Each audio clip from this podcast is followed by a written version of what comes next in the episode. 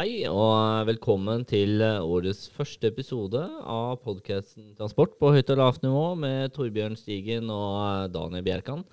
Eh, ja, Torbjørn. Det er et nytt år og nye muligheter. Eh, er du klar for det nye tiåret, faktisk? Uh, ja, jeg er jo klar for det nye tiåret. Det, det blir spennende å se hvordan verden utvikler seg framover mot 2030, neste tiåret. Uh, har jo skjedd ganske mye siden det forrige tiåret, kan vi si. Så det ja. tror jeg blir veldig veldig spennende å følge med på. Og så får jeg jo ønske alle rytterne også da, godt nyttår, godt nytt tiår, og håper alle har hatt en god ferie, selv om det er litt sent. Ja. det, det, kan jo sies. Og uh, det er litt sent. Det er lenge siden vi har spilt inn uh, siste episode, og det er det er vår skyld. Det har vært mye å gjøre, rett og slett. Eh, så det har vært vanskelig å få tid til å spille inn, så det beklager vi. Eh, men nå er vi i gang igjen, eh, og vi har som planer å kjøre på videre nå og prøve å være stabile med nye episoder. Eh, og i starten av det nye tiåret så er det jo naturlig å ta opp hva slags eh, forventninger eller hva vi tror kommer eh, det nye tiåret, sånn i starten av denne første episoden. Eh, så Torbjørn, har du noen tanker? Hva ser du for deg kan eh, definere transporttiåret 2020 til 2030?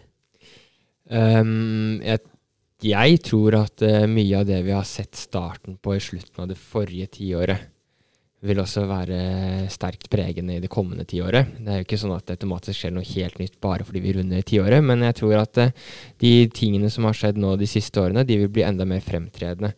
Og da er jo det mest naturlig å tenke seg en stadig, stadig høyere elbilandel, da, eh, som eh, vil komme. Og hvis regjeringas politikk om å bare produsere Eller bare at det kun skal bli solgt nullutslippsbiler i løpet av dette tiåret her, så vil jo det være ganske førende innenfor uh, biltrafikken, i hvert fall. Um, I tillegg så er det jo ganske mange andre ting som er på vei inn nå. F.eks. app-baserte transporttjenester kan jo begynne å komme nå, med Mobility as a Service uh, bl.a. Ja, altså så er det jo en satsing at det er uh, Man ser at det begynner å bli en liten trend. At det er en god del startup-firmaer som har nye ideer innenfor transport og sånne ting. Og det er i hvert fall noe jeg tror vil komme mer, og at de vil bli større og ha større betydning, da, i hvert fall de som slår an da, med en god idé.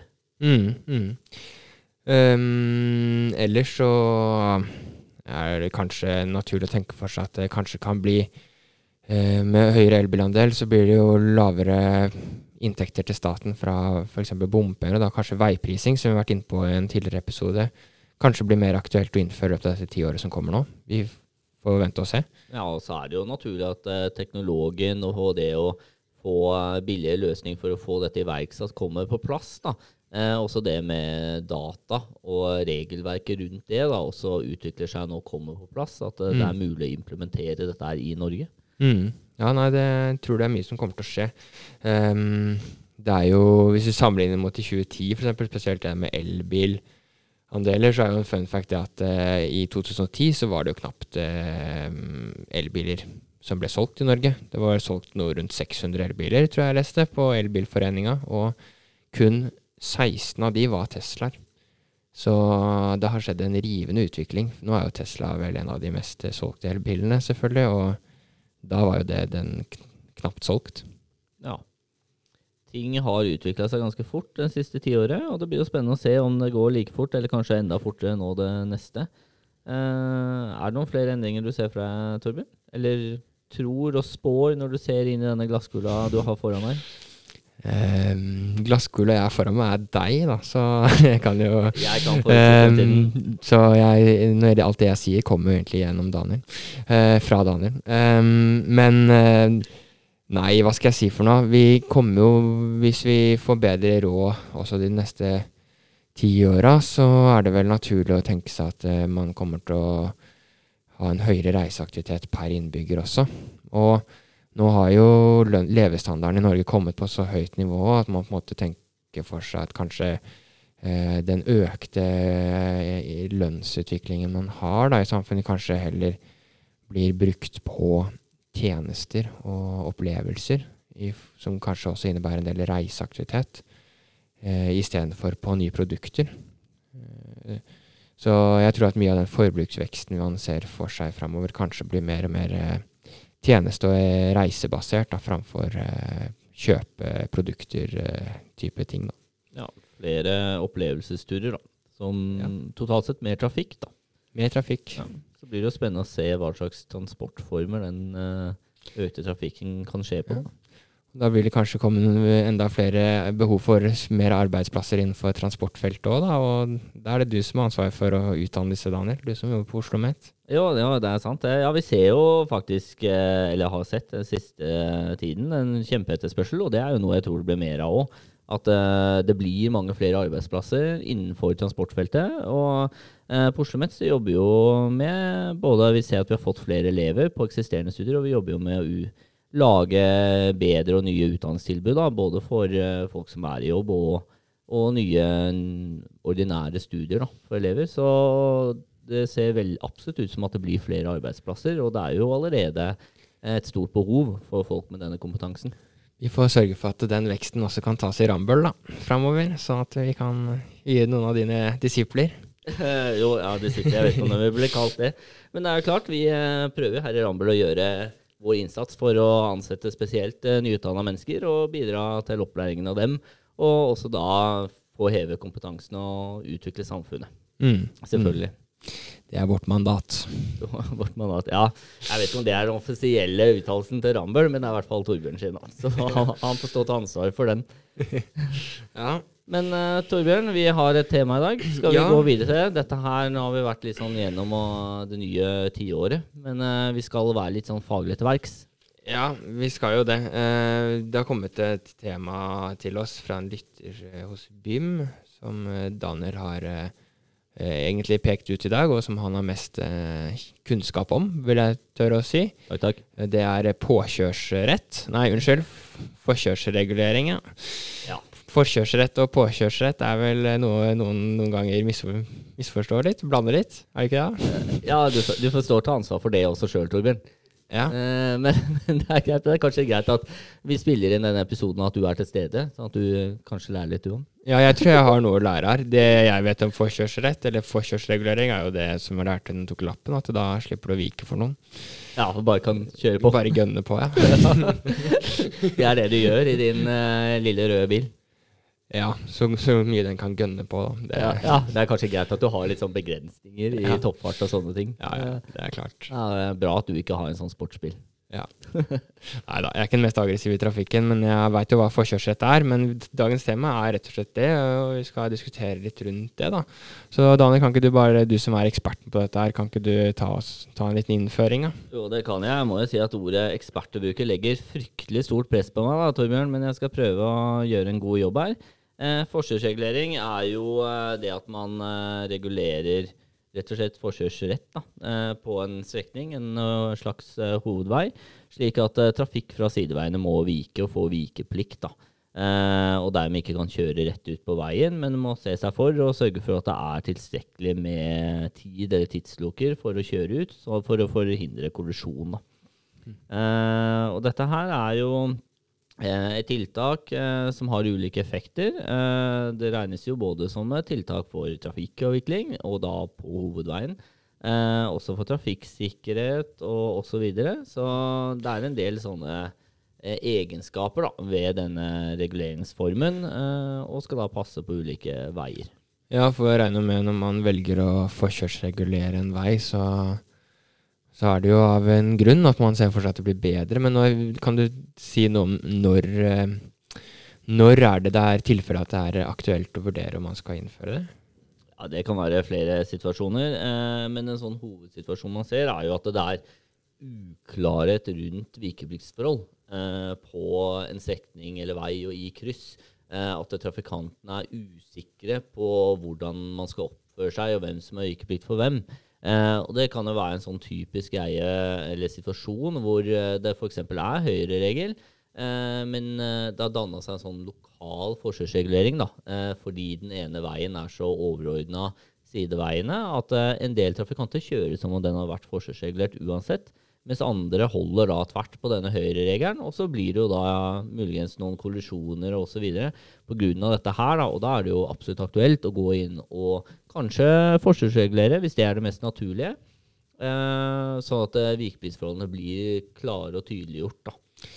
Ja, så hvis det er eh, litt usikkerhet rundt det, så vil det da være klarere eh, stort sett at det er forkjørsrett. Da. da er det klarere regler for folk flest. Men det er jo noen ganger man noen gang kan komme inn på vei og lure på eh, er denne her forkjørsregulert eller ikke, men det er vel eh, sjeldent. Ja, altså hvis man lurer på det, så er det gjerne dårlig skilt, da. Ja. Så eh, da er det på tide å oppgradere skiltingen. Og det er jo selvfølgelig noe jeg kan bistå med, for jeg jobber jo også med skilt og oppmerking. Det er sant.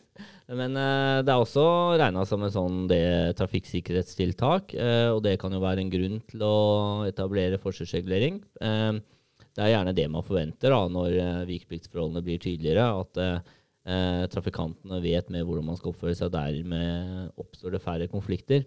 Mm. Eh, I tillegg så er det jo det med eh, avvikling og en prioritering, at man ønsker å prioritere f.eks.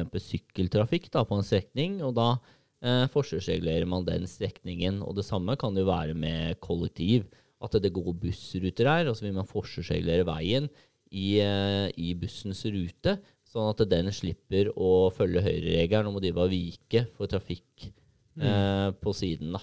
Ja. Eh, og det er jo eh, absolutt aktuelle eh, scenarioer hvor forskjellsregulering er aktuelt da, som et tiltak. Men det er jo noen ganger kan tenke stakkars den uh, trafikken som er igjen på sideveiene, da, som aldri kommer seg fram. Da. Hvis det er veldig trafikkert, altså. Da er det jo mye som blir stående igjen da, på sideveiene og aldri kommer seg ut. Uh, noen ganger? Eller hva, hva, hvordan løser man det? Ja, det, det er helt uh, absolutt det scenarioet som skjer. Det skjer ikke så veldig ofte. Det må sies. Det skal være en god del trafikk på hovedveien for at det skal skje, men, men da kommer man gjerne på at man trenger tiltak som f.eks. signalregulering eh, for å dra den, slippe den trafikken inn, og bare, bare stoppe trafikken på hovedveien, sånn at man får grønt signal fra sideveien. Ja, ellers så kan man jo alltids eh, dra det med gode gammeldagse Jeg har i hvert fall lært om en god gammeldags regel som heter gentlemansregelen. At man slipper fram folk eh, på skjønn. Men det er vel bare årsak til kaos, tenker jeg. Eh, eh, ja, det, det er ikke så mange snille folk i Norge. Nei, men Nei, fra spøk til alvor så er det faktisk Norge er et veldig regulert land. Vi er veldig glad i regler, eh, også i trafikkbildet. Eh, I bl.a. USA og sånne ting så har de noe sånn giveaway, som egentlig betyr at det, det ikke er noen regler for hvem som skal kjøre først. Man bare antar at det er så lite trafikk i krysset at uh, når det kommer flere eh, trafikanter dit, så bare ser de på hverandre og blir enige om hvem som kjører først. Men det er veldig unorsk. Eh, vi, Ja. vi klarer nok ikke å håndtere noe sånt. Så gentlemansregelen er litt sånn synonymt med giveaway, Eh, ja, på en måte. Ja, ja, kan egentlig si det. Ja, Så det er litt amerikanske tilstander, da. ja. Ja. De er litt snillere enn oss. Okay. Nei, det, det veit jeg ikke om jeg tør å si. Eh, ja, nei, men den er god. Da Men er det noe eh, Ja, er det noe Hvis du kan se på, se på dette her sånn De negative effektene, kan du dra fram det på ved forkjørsregulering? Og er det sånn at Det må jo være noen tilfeller hvor det er uhensiktsmessig, selvfølgelig, å forkjørsregulere. Og Ja. Uh, nei, det er jo spesielt det du tok om nå, da. At når det er veldig høy sideveis uh, Eller sideveistrafikken står fordi trafikkmengden på hovedveien er så høy, det er jo gjerne en sånn negativ virkning, da. Eh, men det er jo gjerne når en For at det skal skje, da, så har gjerne veien vært forskjellsregulert veldig veldig lenge, og det har bygd opp veldig veldig mye trafikk sånn over tid. Eh, men så er det Generelt ser man veldig få eh, negative sider ved, ved forskjellsregulering, men det er jo Eh, et sånn veldig sånn delvis kjent eh, sånn kritisk punkt ved det med forskjellsregulering, og det er jo økt hastighet eller fartsnivå da, på spesielt den hovedveien, da, eh, som er sett på som en sånn negativ virkning. Eh, når det kommer til det, så er det gjort undersøkelser av det. Det er litt sånn uklare Uklart hva, eh, hva som egentlig vises, fordi de ulike studier viser litt forskjellig, men det er nok en tendens til noe økt hastighet, men den er ganske marginal. Så, så det du sa, er, sier nå er egentlig at eh, når du, når du går fra å ikke være forkjørsregulert Mm. til å bli det, så endrer trafikantene på den veien litt oppførsel ved at de kanskje da, ved at de eh, ser på det som mer fritt fram og ja, litt sånn gønne på, som jeg sa i stad. Ja, ikke gønne på, men det vi egentlig ser, er at eh, fartsnivået kan økes noe egentlig primært i kryss. I kryssa sjøl, ikke på strekningene. Og det er jo naturlig, fordi de slipper å stoppe opp og se om det kommer eh, biler fra siden. De Mm. trafikken som kjører på hovedveien, altså. Men den økningen som er sett, er veldig marginal Men- totalt sett. Men likevel så er det altså observert eh, færre ulykker og bedre trafikksikkerhet eh, som føler at folk er mer bevisst på rollen sin. da. Ja, Det er faktisk litt morsomt, for det er faktisk teknisk sett på de dataene ikke observert færre ulykker. Det er ikke det, nei. Eh, Det er, det er ikke det. Det er observert. Jeg tror ikke jeg forhasta observert, konklusjon. Ja, men, eh, men det er veldig naturlig. Det er veldig mange som går ut ifra akkurat det du sier der uansett. Fordi det er jo et begrenset utvalg studier. Men det man ser, er kanskje en, en liten økning på totalt sånn personskadeulykker og materielle ulykker. Ved, for, ved å forkjørsregulere. ved å forkjørsregulere, ja. Eh, men allikevel så er det i trafikksikkerhetsmiljøet ansett som et veldig godt tiltak for å bedre trafikksikkerheten, spesielt pga. dette her med, med at vikepliktsforholdene blir eh, tydeliggjort. Da. Og dette her er et sånt her fenomen som egentlig vi ikke skjønner, eh, vi trafikkingeniører. Hvorfor ser viser ikke dataene at det blir mye færre ulykker? Fordi alle andre Alt det vi ser, da, skal jo egentlig vise, og, og man vil tro da, at ulykksantallet vil gå ned. da. Så, så det er litt rart, da.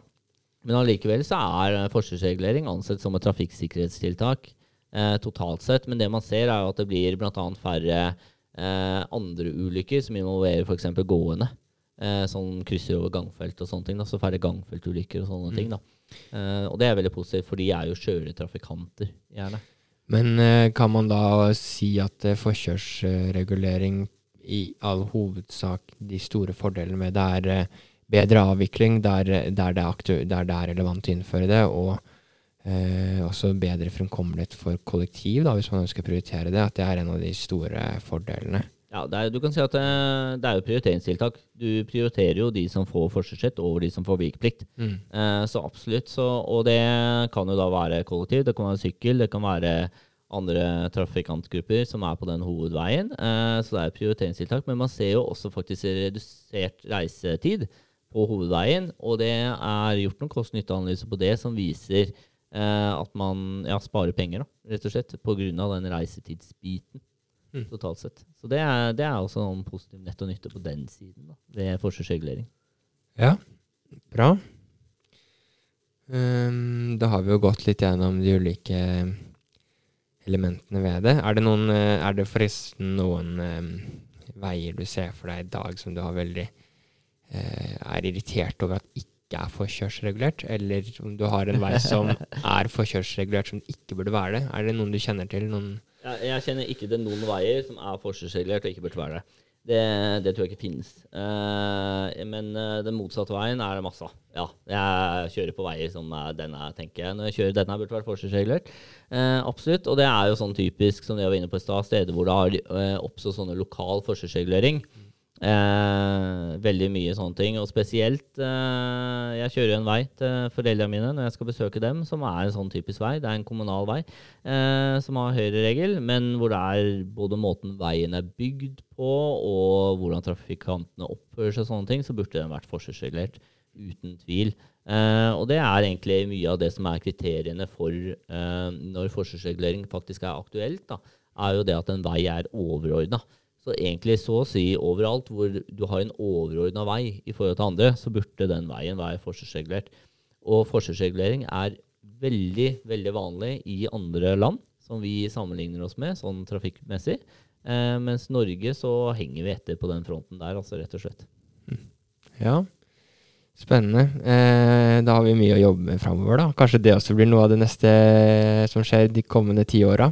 2030 så er eh, alle veier som burde vært eh, forkjørsregulert. Ja, det hadde jo ikke vært så dumt. Og det er faktisk litt så morsomt, fordi det forrige tiåret som vi har vært gjennom, så var det faktisk et eh, økt fokus blant, eh, blant, eh, på forskjellsregulering. Jeg jobba i Vegvesenet tidligere, og da hadde vi en oppgave på å gå gjennom hele veinettet i det fylket jeg jobba i, og det hadde de andre fylkene òg, da. Og vurdere forskjellsregulering og sette opp sånne Excel-ark og sånne ting, da, og hvor mange skilt som trengtes og sånne ting. Så det er starta et arbeid på det. Eh, så må vi bare håpe at det fortsetter. Og ja, kanskje som det du sier, da, at eh, i løpet av dette tiåret her så blir eh, de aller fleste veiene forskjellsregulert i Norge. Og det hadde jo vært veldig positivt, tror jeg, da. Mm. Så nei da, vi får håpe at uh, forkjørsregulerte veier blir de veiene jeg stort sett kjører på, da. At, uh, overalt. Ja, det er vel stort sett de fleste tenker. tenker. Ja, det, det, hadde vært en fordel. Nei, men uh, da har vi vært gjennom mye på forkjørsregulering nå, og, og er vel klar til å gå over på vår faste spalte XLY, er jo ikke det, Daniel? Det er vel din tur i dag? Jo.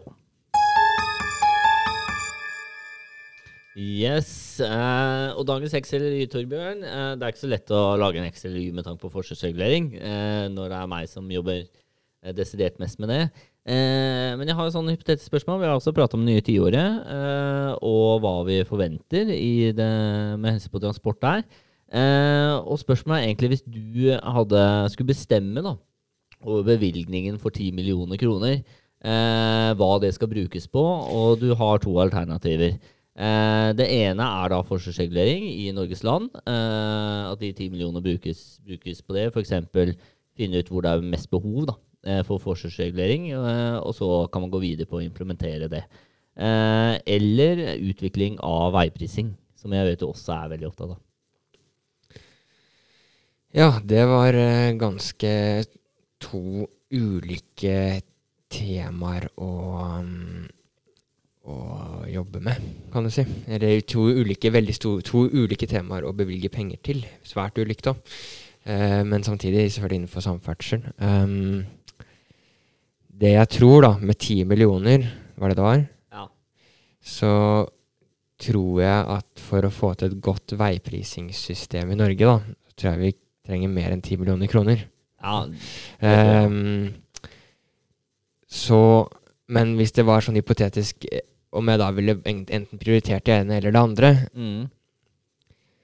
så er jo jeg, Det er jo litt fordi jeg jobber mer med det òg, men da hadde jeg nok uh, syntes det vært mer spennende å jobbe prioritert uh, veiprising. det er ikke, ikke veldig overraskende. Um, men også det, det, som jeg kan forsvare for kjørsregulering, er jo veldig positivt i den forstand at det kan da medføre bedre avvikling, ikke sant. Eh, det kan kanskje veiprising også gjøre, dersom man velger å eh, prise de ulike veiene strategisk for å få til en bedre avvikling, rett og slett. For det er jo også en um, virkemiddel for å eh, regulere hvor trafikkstrømmene skal gå fra eller til, og på hvilke veier de skal bruke. Mm. Um, men jeg tror nok eh, pengesummen er litt knapp, i hvert fall for hele Norges land. Ja. Men jeg tror begge, begge temaer er viktig å prioritere framover. Mm. Så får vi se. Men spesielt med prisen her, så er du inne på noe viktig, da. Fordi ti millioner er jo um, valgt litt strategisk, bl.a. fordi uh, forskjellsregulering er kjent for at du får veldig mye for penga. Mm. Uh, så for ti millioner, i hvert fall hvis du klarer isolert å gi det til et lite geografisk område, så kan du få uh, faktisk forskjellsregulert en del strekninger, for det er jo bare snakk om skilt, som er relativt billig. Mm. Så hvis jeg skulle da Så hvis jeg nå kan tenke meg litt om igjen, hvis jeg da skulle få 10 millioner kroner, og jeg skulle prøve å dra mest mulig nytte ut av de pengene, og ikke se noe lenger fram i tid enn kun når den tiden med den bevilgninga jeg har fått, gjelder for, da, mm. så tror jeg kanskje at det hadde kommet flere resultater ut av å jobbe med forkjørsregulering. Det tror jeg nok, da. Ja, kan nok hende. Men uh, når veiprisen først er satt i gang, da, så må det jo sies at da ser vi vel større effekter der enn av forskjellsregulering. Ja, det, da får vi håpe med den store kostnaden det kommer til å innebære òg, så får vi se noe nytt ut av det. Ja, ja absolutt. Mm. Og med det så er vel eh, årets uh, første episode over, Torbjørn? Vi er ved veis ende i dag, så får vi håpe 2020 blir et eh, enda større podkastår enn 2019. Ja, så håper vi absolutt. Uh, og til slutt vil vi takke alle lytterne våre som har hørt på og lytta på alle episodene våre i fjoråret òg. Uh, vi ber som tidligere om temaer på e-postadressen vår høyt og lavt, kullafarambel.no, hvor ø-en er bytta ut med o. Jeg sender oss forslag på tema og sånne ting, og denne episoden ble, som Torbjørn nevnte, sendt inn av lytter fra BIM. takker veldig til den personen. Vi har også fått inn noen andre forslag til tema som kommer tilbake til senere. Og ønsker dere alle en strålende dag. Ha det bra.